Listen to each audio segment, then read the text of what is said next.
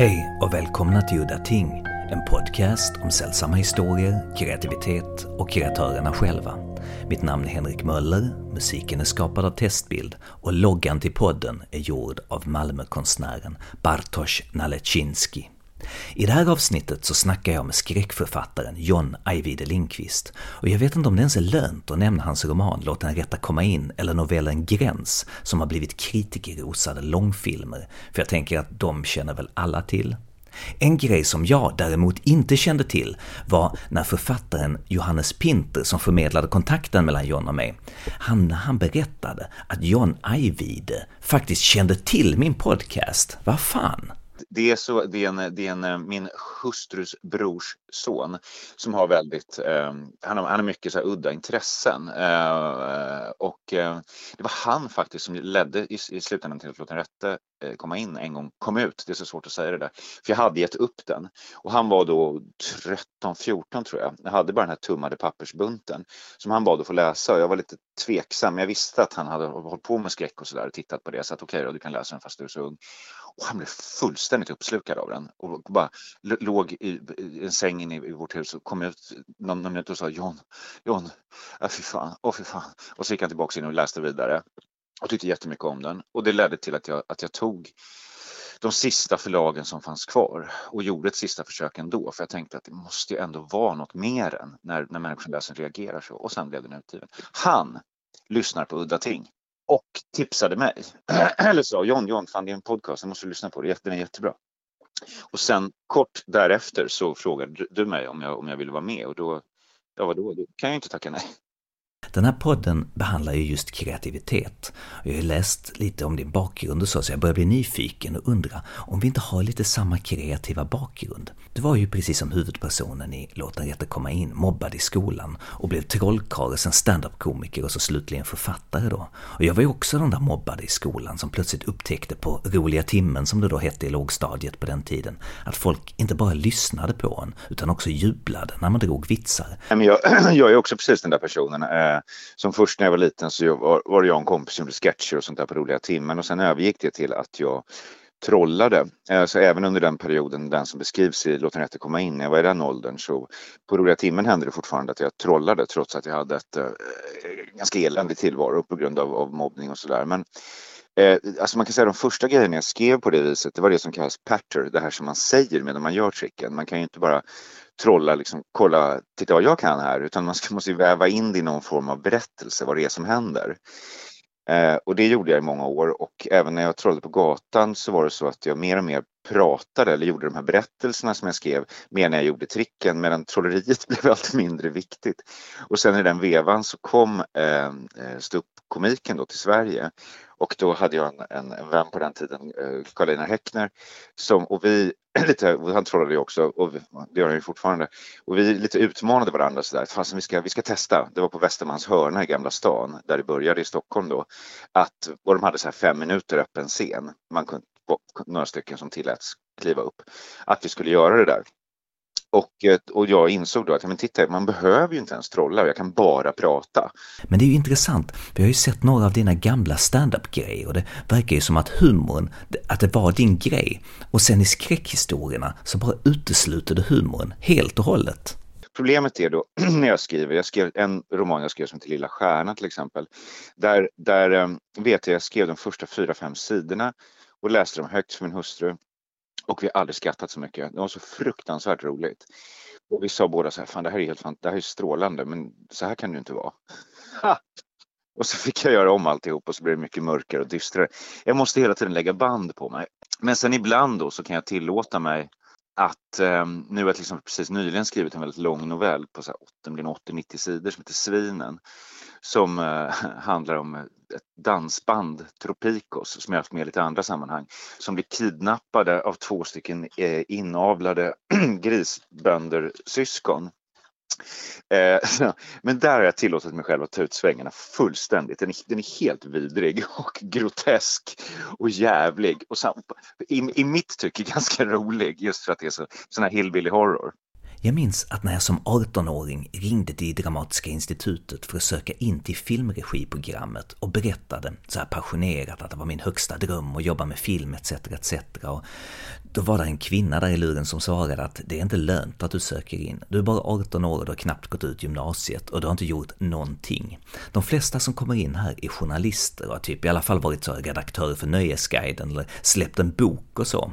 Och jag minns att jag aldrig tänkt särskilt höga tankar om mig själv, men jag minns att jag blev så jävla knäckt. Mötte du på något sånt i början av din karriär? Alltså, ja, i, i början vet jag inte, som, som trollkarl, då var det ju väldigt mycket att vara sin egen lyckas smed. Jag tryckte upp liksom reklammaterial och skickade runt så brev till en massa restauranger där jag ville uppträda, för jag var ju framförallt sån här close-up trollkarl med små grejer, myntkort sånt där vid bord. Och det var ju supersvårt, eller jag, jag fick aldrig något jobb på det viset. Det var därför jag blev hänvisad till gatan om jag skulle uppträda. Um, och så, är du kvar? Ja, ja för fan. Men hur var det? Fick, fick du ut någonting av att stå där och uppträda på gatan då? Ja, jag fick ganska mycket pengar. det var ju därför jag gjorde det. Eh, därför att, därför att jag menar, en, bra, en bra kväll i, på Västerlånggatan, så här, jag kunde liksom dra in 400-500 spänn och det var ju mer på den tiden. Det var motsvarande 1500 i alla fall nu och det är, det är, det är rätt mycket pengar. Men det var, det var väl en extra bra kväll då. Vissa kvällar kunde det bara bli 100-150 spänn. Men, men ehm, nej, det, det, var ju, det var ju huvudskälet och förstås att jag, det här var någonting som jag ändå kunde hyfsat. Det blev mycket folk som stannade och tittade. Det svåra var att, att få de första att stanna. Att man liksom måste ehm, väcka något intresse för det som komma skall. Att nu ska ni få se någonting här strax om ni väntar lite. Så att några är där från början. det var det svåra. Eh, men det var bara det. Men sen under ståuppperioden, det gick bra några år i början när ståuppen var ung. Och jag var, jag var ganska bra på scen. Men jag, blev, jag blev ju aldrig, och jag var med i alla omgångar, slängd i brunnen och sådär. Men jag blev ju aldrig jag blev aldrig något av de där namnen, vilket gjorde att det blev färre och färre bokningar.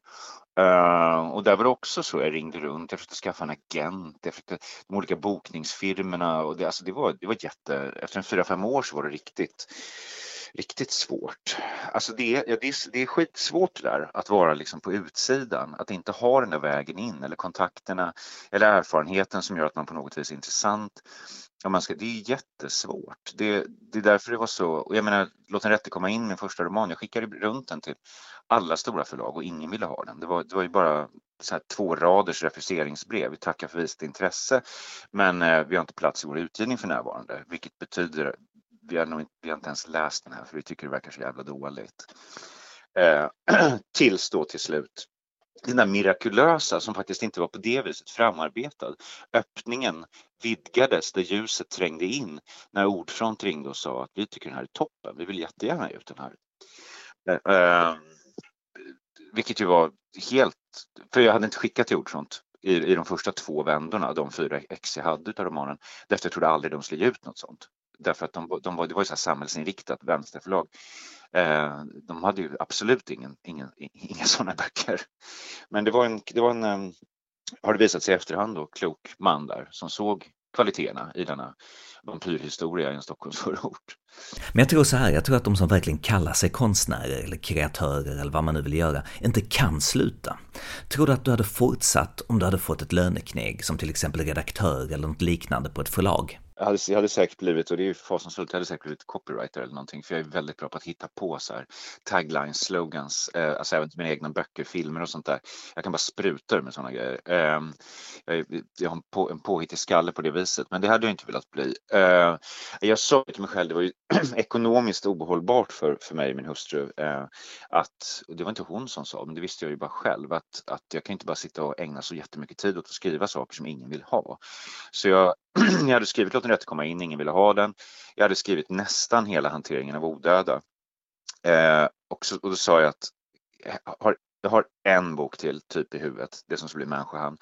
Eh, jag skriver den också. Vill ingen ha den heller, då får jag väl skaffa mig en utbildning eller jag måste göra något annat då, för det går inte. Och så får jag, får jag väl försöka, fortsätta försöka på något sätt min, på små, små timmarna på, på tid som blir över. Eh, och så var det ju också under den perioden innan Låten rätte blev, blev antagen att då jobbade jag halvtid på ett fritidshem igen och eh, skrev bland annat Gräns under den perioden bara för att inte bli knäpp i huvudet. Men det var väldigt svårt för att det, det är mentalt eh, utmattande och man ska vara någorlunda bra barnskötare och försöka liksom ha lite ordning och, och trivsamhet bland en stor barngrupp. Det är fruktansvärt mentalt utmattande. Vilket gjorde att jag, jag, jag gränsskrev liksom i väldigt små partier hela tiden, liksom bara varannan dag. Jag förstår precis vad du menar. Jag har jobbat som förskollärare i 22 år nu.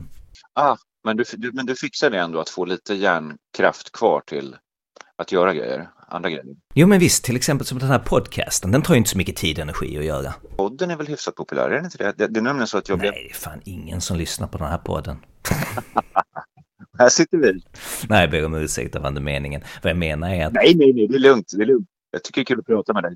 Det är en liten, liten smal publik för skräck, sci-fi och konstigt i Sverige.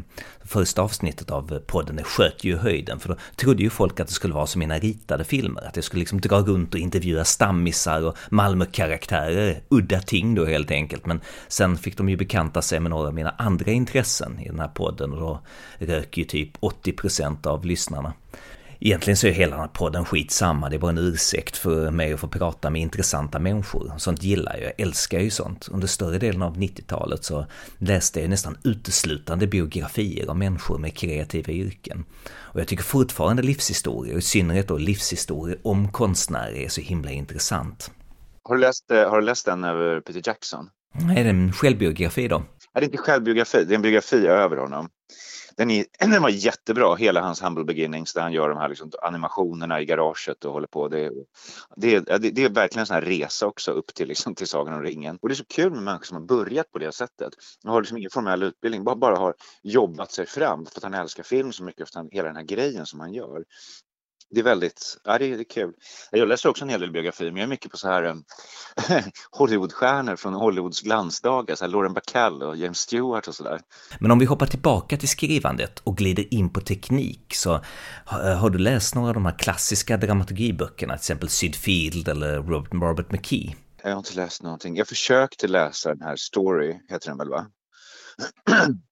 Ja, just det, det är väl någon slags klassiker, men jag, jag, jag kom liksom bara en fjärdedel in för jag tyckte allt var så, ja det låter ju otroligt storvult, men jag tyckte allt var så självklart som man berättade. Eh, det, det låter ju som stor på mig som fan, men, men, men jag, jag tror att det är, jag tror, jag kan ha fel, jag menar människor går ju en massa kurser och blir bra författare sen och så vidare, men jag tror att det är väldigt svårt att lära sig. Jag tycker det låter helt rätt som du säger. Börjar ju med åren komma in på samma spår. Jag har ju läst alla de där böckerna och blev fan ett smartare för det. Fast seriöst så kan man ju säga att även om man vet inom sig hur någonting funkar så kan det ju vara jäkligt skönt att någon kommer och sätter ord på det. Det blir liksom konkret då. Jo, men det är bra. Det, det, kan, det kan vara väldigt bra att få grejer formulerat för sig som man redan har oformulerat i skallen. Så det, där finns ju en fördel. Herregud, jag ska inte säga, jag har ju fan gett ut en bok själv som handlar om hur jag funkar som, som skriftställare. Så det, det är ju som att säga att den, den är ju helt värdelös och det, det är den ju naturligtvis. Som, som, som guidebok för hur man ska bli författare så är den helt värdelös. Det, det, det är väl bara man, typ om man gillar det jag har skrivit som det kan vara kul att titta in bakom hur jag har tänkt. Men eh, nej, jag har, jag har liksom ingen, jag har ingen formell utbildning eh, och jag har inte läst något heller. jag är så dålig. Nej, men det känns ju som många av de stora författarna inte har det, men däremot så har de ju läst väldigt mycket böcker. Ja, det har jag gjort såklart. Massor med böcker. Så jag läser mycket, det gör jag. Men inte just i, i utbildningssyfte. Men jag, jag tror, nej, nej, jag, jag, men jag tror i sådana fall har jag lärt mig något av dramaturgi så är det väl Stephen King i sådana fall. Det kan jag, inte, jag kan inte komma ifrån det. Jag har ju läst, jag har faktiskt inte läst allt han har skrivit. Det är fan som man inte hinner med vad den mannen skriver. Men i alla fall 70 procent av det. Och det, och det är fortfarande rätt mycket. Eh, och någonstans så ligger ju hans kurvor, bågar, planteringar, hur det funkar, hur man skjuter in stick. Det är ju det, det drag jag verkligen tagit från att sticka in tankar. Puff, att det kommer sådär vad människan tänker i ögonblicket. Medan någonting händer, där, där de blir upptagna av någon fullständigt ovidkommande tanke till exempel, eller en barnramsa eller någonting. Det har jag väl lärt mig av honom, men sen, sen avviker vi mycket i våra, våra ämnesval och hur jag skriver. Men, men någon slags grundläggande feeling för hur man skriver skräckberättelser, det har jag onekligen fått från Stephen King. Och Claire Barker.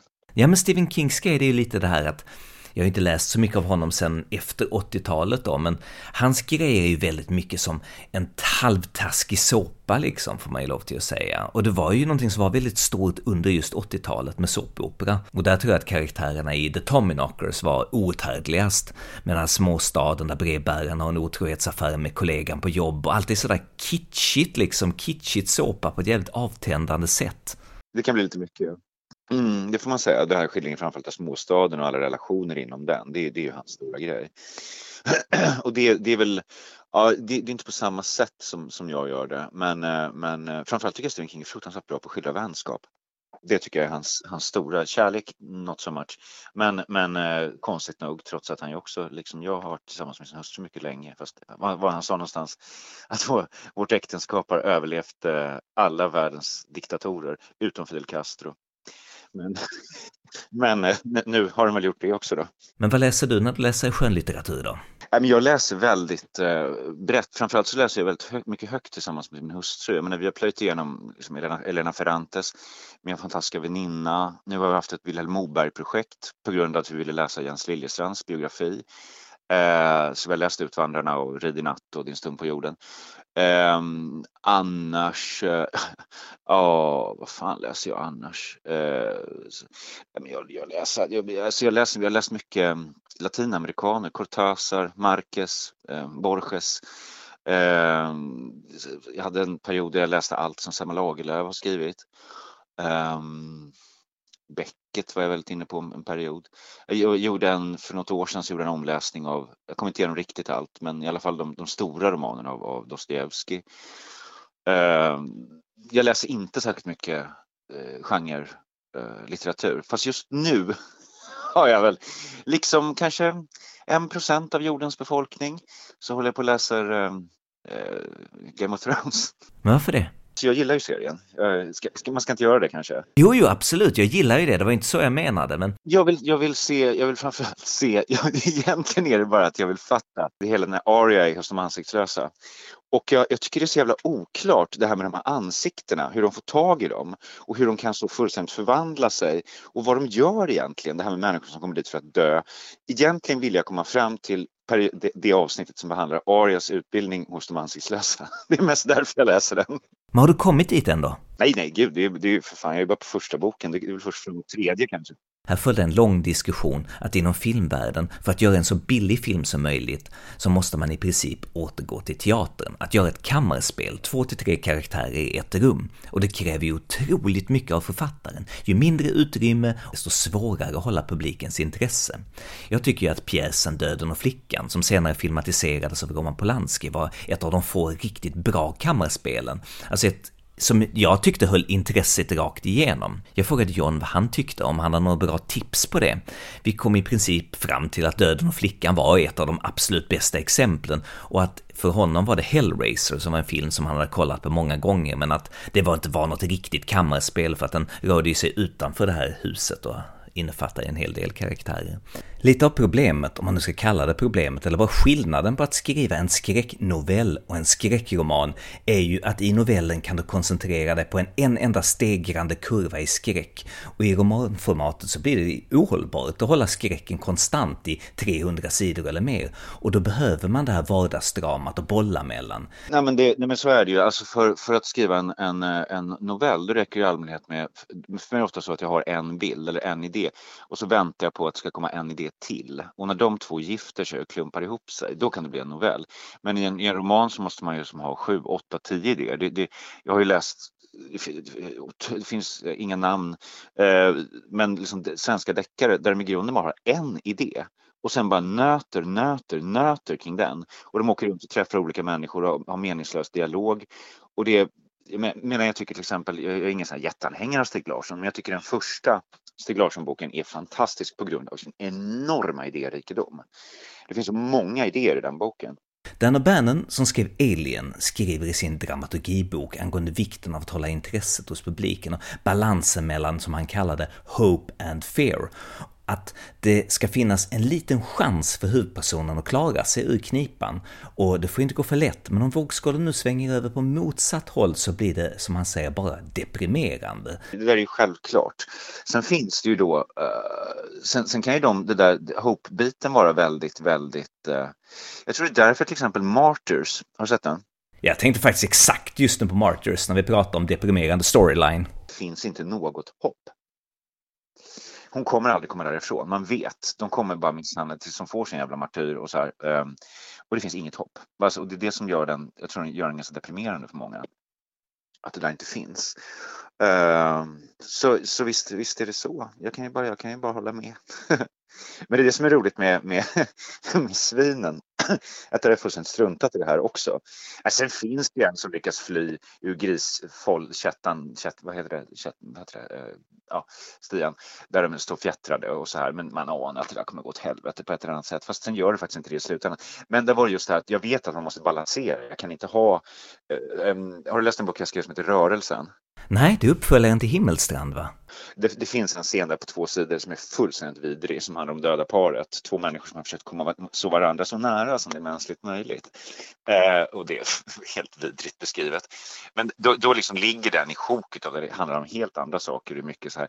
Medan svinen, det var det så här att okej, okay, jag struntar fullständigt i den här balansen. Jag bara öser på med vidrighet efter vidrighet efter vidrighet och ser hur det blir. Ja, det är lite samma problem, om man nu ska kalla det det, som i Nikanor Teratologens äldreomsorgen i övre Kågedalen, att det blir liksom ingen dynamik när man inleder med att lägga in femmans växel och sen bara hålla full gas rätt igenom hela boken. Jo, men den är ju inte avsedd att vara något annat. Han har ju uppenbarligen inte försökt skriva en bästsäljare. Eh, så att han var ju säkert också fullt medveten om vad han gjorde. Men jag tror att just som det här med jag nämner med svinen, att nu vet jag det tyder ju på att jag ändå har någon slags grundläggande dramaturgisk kunskap, att jag inser att det här är fel. Så här ska man inte göra, men nu gör jag det i alla fall. Nej, men jag tycker absolut att om man har skapat så många kommersiella verk så kan man ju få unna sig att skriva något annat som omväxling. Ja, men det var ju som, det där har jag inte en gång tidigare, det, var, det, det, här är också på grund av att den roman jag håller på att skriva nu som heter Vänligheten och som kommer bli så här 700 sidor lång. Eh, och den är väldigt, eh, här, nästan trevlig. Uh, och det är väldigt mycket relationer. Det är framförallt en kärleksroman. Uh, än så länge inte särskilt mycket skräck alls. Och jag tror efter att eh, jag hade suttit på Kuba och skrivit 270 sidor på den. Uh, efter det så kände jag, nej fan nu måste jag få kräma på lite här. Och det var, det var samma sak. Ursäkta. Efter att jag hade skrivit Lilla Stjärna. Som också är ett väldigt sånt här närpsykologiskt grottande i, i plågade tonårstjejers huvuden. Och hur det är och det var väldigt, väldigt mörk eh, historia och som sagt väldigt så här, intim psykologisk eh, relationer. När jag skrivit den var jag så här, och då säger jag så här, nu gör jag något annat. Nu ska vi se, kan jag skriva en hel roman på 50 dagar? Vi kan se om jag klarar av det. Okej, okay, jag gör det så enkelt för mig som möjligt helt enkelt.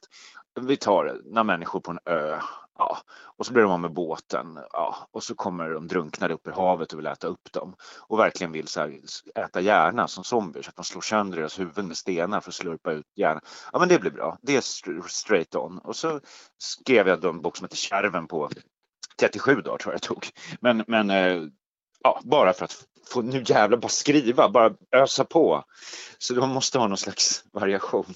Du har säkert pratat sönder detta innan, men idén till Himmelstrand är ju så himla cool. Kommer du ihåg hur du fick den idén? Ja, oh ja. Själva grundidén hade jag i jättemånga år. Eh, jag beskriver det här en del i den här Misslyckas igen, misslyckas bättre som handlar om, om processen kring böckerna. Det var, jag, jag hade länge oh, gud så länge sedan. Det var så att det var min svåger som berättade om sådana här karavanklubbar. Men, och det här är kanske 20 år sedan, mer. Eh, och eh, alltså människor som är husvagnar som träffas på en plats och det kan vara på någon, sån, någon liten idrottsplats som inte används den helgen och så är de där och går runt och tittar lite i samhället där hur det är och sen säger de ja, om två veckor eller nästa månad då träffas vi där och där för där eh, har scoutklubben en, en gräsmatta som vi kan använda i Falkenberg. Ja, då träffas vi där. Och då så är det några som kanske inte kommer och några andra som inte kunde den gången. Ah, alltså det här lilla samhället som upplöses och återskapas. Eh, på det viset. Den, den tanken hängde med mig länge och sen blev den till att, ja men okej, vi säger så här då, att det är en, det är en sån där liten grupp husvagnar och de flyttas till en annan plats. Eh, en, en, en, något icke jordis, inte ingen, ingen normal plats. Och det där gick också bara löpt i skallen väldigt länge. Vad är det här för Är det typ som är den på en, flyttas till en annan planet? Eller är det liksom ute i djung, alltså någon sån här helvetes i underjord? Var, var har de flyttats någonstans? Och det där låg bara kvar i bakhuvudet i många år. Och sen till slut, och någon dag så fick jag bilden av en så här oändlig välklippt gräsmatta som sträckte sig åt alla håll. Och just i och med att, nej det är inte ens intigheten, det är inte ens den stora vitheten eller sådär, white space, utan det är ändå en gräsmatta, det är något lite jordiskt igenkännligt. Men vad otäckt med en sån gräsmatta ända mot horisonten i alla riktningar. Och där började berättelsen, eh, där började den rulla lite mer. Där började faktiskt tänka ut praktiskt, okej okay, vilka är det i de här husvagnarna? Vad, vad har de för inbördes relationer och ja, sådär. Jag gjorde ett persongalleri på, jag tror jag började, jag skrev så 150 sidor när de var 14 stycken. Och så insåg jag att det här går inte, jag kan inte ha så mycket folk. Och så fick jag börja om och ta bort fyra av dem. Ja. Så den började egentligen i och med att um, jag fick syn på den här gräsmattan. Det var där den verkligen kickade loss. Och det är så svårt att veta vad det är som sätter igång en historia. Den här kärven till exempel då, som den hette med, med zombierna på ön. Den, den sparkade igång på allvar i huvudet när jag såg att fan, okej, okay, det, är en, det är en klassåterförening med några som liksom har, har gått gymnasiet på 80-talet och de har med sig en sån gammal bergsprängare och någon har med sig ett blandband med modern talking. Och den liksom står och går där medan zombierna kommer upp i vattnet och ingen kan stänga av den. Så det är helt enkelt bakgrunden Modern Talking som spelas. Där var det, ja, där var den. nu kan jag skriva den här. Hur känner du när du skriver ensemblehistorier, eller i alla fall fler karaktärer än de två, tre huvudkaraktärerna? Tänker du att de ska på något sätt så spegla huvudpersonernas resa eller drivkrafter, eller hur tänker du kring deras funktion? Jag, det jag har kommit fram till med tiden eh, som jag brottats med. Men jag på senare år har jag verkligen fått syn på problemet som en stor risk om man skriver berättelser, och speciellt med flera karaktärer, är att eh, man har vissa karaktärer och sen tillkommer fler, men de blir egentligen bara en funktion utav de första. De är egentligen bara till för att reagera på de första karaktärerna. De är där för att fylla ut någonting för de karaktärerna och passa in. Men, men det där är en fara. Då måste man verkligen tänka ett varv till och göra de där andra karaktärerna också till riktiga människor. Och skriva kanske en bakgrundshistoria eller låta dem resonera med sig själva en stund utanför. Jag gör ofta så för att hitta människorna. Att jag bara brainstormar så att jag låter den här människan berätta om sig själv medan jag skriver. Ehm, och försöka hitta dem. För det, det, där, det där är en ständig risk som gör att det kan bli platt. Att vissa karaktärer bara är funktioner av andra. Så det, det tänker jag, det är mycket på min vakt mot att, att inte råka göra så. Och det, det där är väldigt bra med att läsa högt. Sen kan det också vara att man har en scen och ser att ja, fan det vore häftigt om man gjorde så här och sa så här. Oh, wow, ja, det blir en jättetuff scen. Och sen läser jag högt för min hustru och säger ja men det var jättebra men den där figuren skulle aldrig göra så. Ja men vadå, det kan man kan göra så här. Nej, jag tror inte på det. Fan, fan. Jag har hört av polare som kollar mycket på tv-serier att de har stört sig på det här liksom experimenterandet i tv-mediet med karaktärsbaserade berättelser. Att det så, i första avsnittet kan vissa serier bara vara så en uppräkning av karaktärspresentationer, en efter den andra. Alltså, nu kommer det nästa, alltså klipp till nästa, kommer en ny karaktär, mycket karaktär och ingen plott helt enkelt det är väldigt, väldigt roligt med tv, alltså med, med vad som har hänt på den, den. Jag såg precis, och man får se nya grejer. Vi såg precis färdigt den här Sharp Objects igår. Och jag har aldrig sett en sån liksom, fragmentiserat berättande som inte känns svårt att hänga med i. Man, man är med fullständigt trots att det liksom hoppar fram och tillbaka i tiden och korta bilder och längre sekvenser. Men ändå så är man fullständigt med. Jag tycker den var makalöst skickligt klippt. Och det var också ett, ett, för mig ett lite nytt sätt att, det har jag säkert gjort mass, massor av gånger tidigare, men jag har aldrig sett ett så bra exempel på fragmentiserat berättande i tv-mediet som funkar. Den där historien, på grund av hennes psykiska tillstånd, så är det en väldigt eh, följdriktigt sätt att berätta historien. Just de plågas av alla de här bilderna. Um, så det, ja, men det, det, var helt i fas med historien. Men det, det är jättedåligt när det bara, bara känns som en gimmick. Nu, nu, nu fragmentiserar jag här bara för att det ska verka lite ballt. Det finns det också exempel på.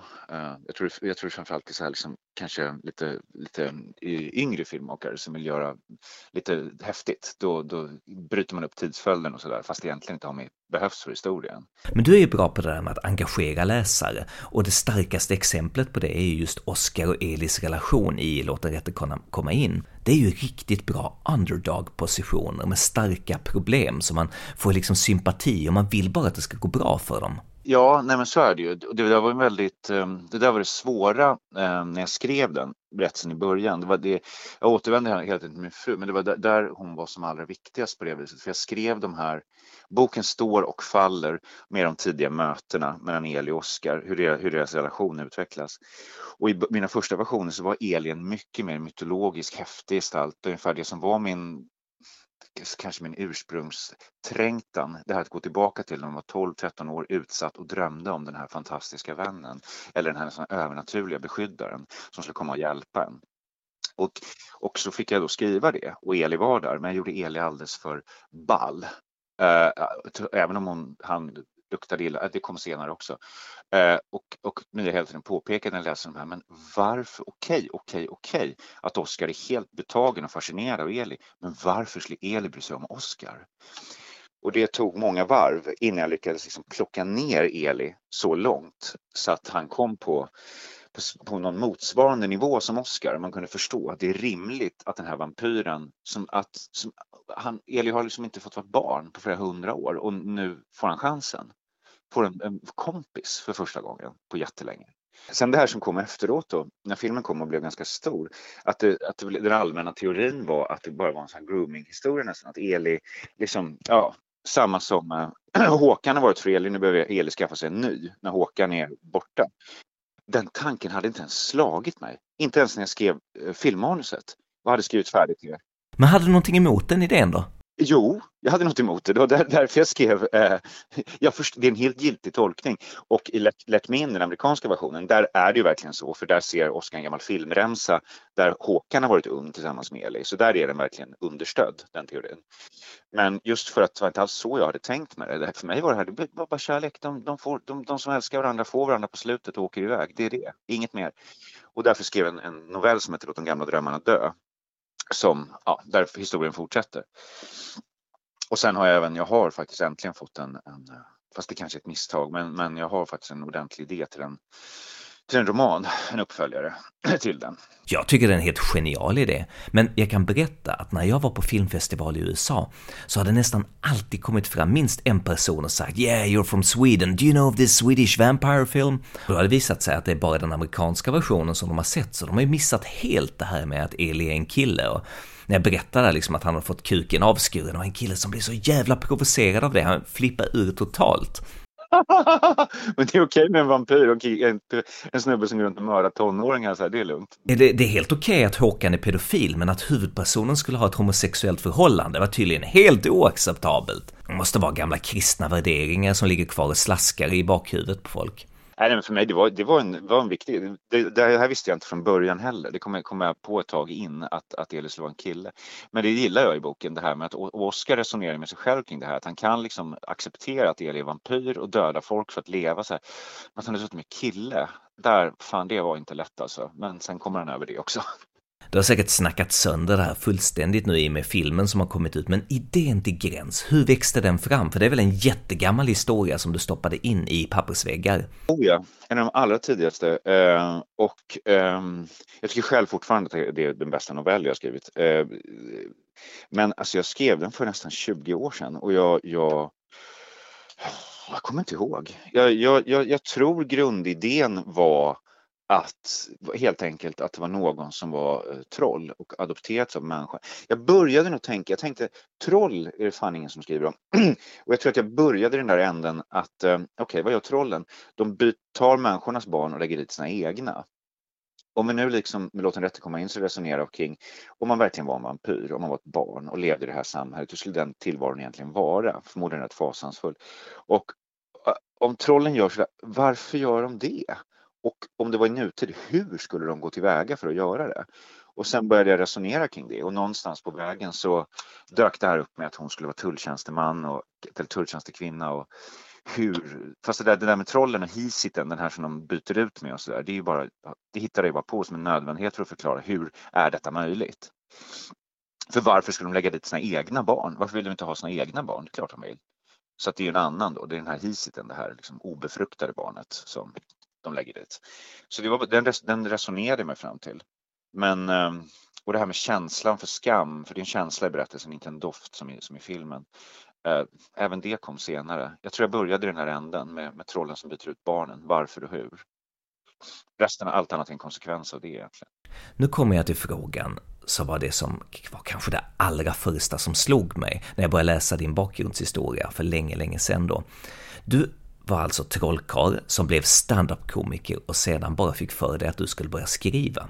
Du säger att du aldrig har skrivit någonting förut. Ja, så är det. Nej, men alltså, jag, skrev, jag berättade, jag skrev ju, jag skrev ju eh, till, troll, till trollerierna, jag skrev ståuppmonologer och sen försökte jag väl skriva en, eh, det här när jag försökte bli författare då. Men hur gammal var du då? Kanske i, vad kan det ha varit, 25, 20, 20, det var runt 25 så jag säga att det var som jag började försöka. Men sen, och så skrev jag kanske 100 sidor på en, på en roman um, som blev asdålig. Och så lade jag den åt sidan. Och sen, och sen skrev jag den här första skräckberättelsen då.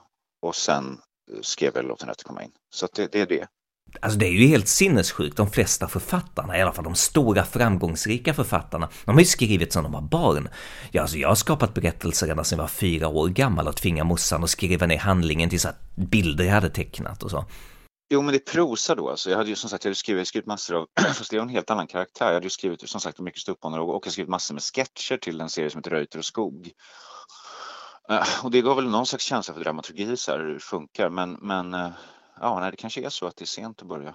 Och, det, och framförallt skräcken, jag hade liksom aldrig tänkt på förrän jag var runt 2000, när jag var, när jag var runt 30, att jag, att jag ens kunde pröva att skriva en skräckberättelse. Det, att genren, trots att jag kunde den så bra sedan unga år, så tanken hade aldrig, aldrig slagit mig att jag skulle pröva att skriva en skräckberättelse. Så att, ja, nej, jag är inte det där att jag varit där hela tiden.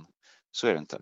Men hur var din ingång till skräcken då? Var det genom filmen eller serietidningar? Det var genom Kalla kårar.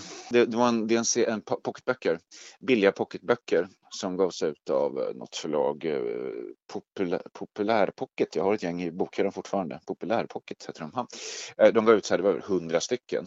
Och det var allt ifrån så här nyskrivet skräp till du vet, Richard Matheson eller, eller Huset vid Huset vid avgrunden. Eh, mycket James Herbert. Eh, de hittade, det var tre för tio i någon sån här eh, back på Domus i Vällingby. Som jag, det var, det var äh, Hämnaren ur det förgångna var den första jag läste. Äh, och blev helt fast när jag var så här 12 tror jag var. Jag blev helt fast vid detta. Men kan du berätta, vad var det som slog an en sån nerv då? Ja, alltså jag tror ju att, det här har jag sagt vid några tillfällen, men um, att det här handlar ju då om en, en indianhövding vars hela folk har blivit eh, slaktat och han, han eh, återföds in i en, i, en, in, in i en kvinnas kropp. Jag tror som, som att hon blir gravid med den här. Det blir en utväxt på henne. Och de inser att det här är en illasinnad närvaro, försöker stråla ihjäl den med röntgenstrålning men han, han, han kommer ut där och går lös med skalpellerna på folk på sjukhuset och sådär. Och eftersom jag var i den situationen jag var i den åldern så tror jag att även om jag naturligtvis inte trodde på att sånt här kunde hända så kändes det som en korrekt beskrivning av hur det är att leva. Så här, så här är världen. Nej, men alltså den beskrivningen av där, där fasansfulla saker ständigt kan hända eh, och där, där, där det onda lurar runt varje hörn som liksom kunde göra bakom skåpen i skolan eller vad som helst. Den det tillståndet människorna befann sig i, i denna skräckberättelse och många andra det var alltså känslan du syftar på? Ja, den, den stämde för mig överens med hur, så här, så här känns det, så här, så här är det. Även om jag inte tror på det. Och, så, och, och, det, och det gav någon sorts katartisk upplevelse att genomgå det här fasansfulla förloppet fast på behörigt avstånd då, i skillnad till i skolan. Så fick jag läsa om ännu värre grejer men utan att behöva känna dem på min egen kropp. Uh, och det tror jag drog mig till skräcken väldigt tidigt och sen så fort jag blev gammal, när jag var 13 började jag så gammal nog att kunna gå på barnförbjudna filmer. Så då gick jag typ på all, alla skräckfilmer jag kunde. Tack så jäkla mycket, det var så himla kul att snacka med dig John. Du får ha det jättebra och lycka till med allting du gör i framtiden. Ja men det var toppen, det skulle också vara jättetrevligt. Tack så jättemycket du. Ja, fint. Du med. Hej hej! Ja, och med de orden så säger vi hej då. Mitt namn är Henrik Möller, musiken var skapad av Testbild. Hej då!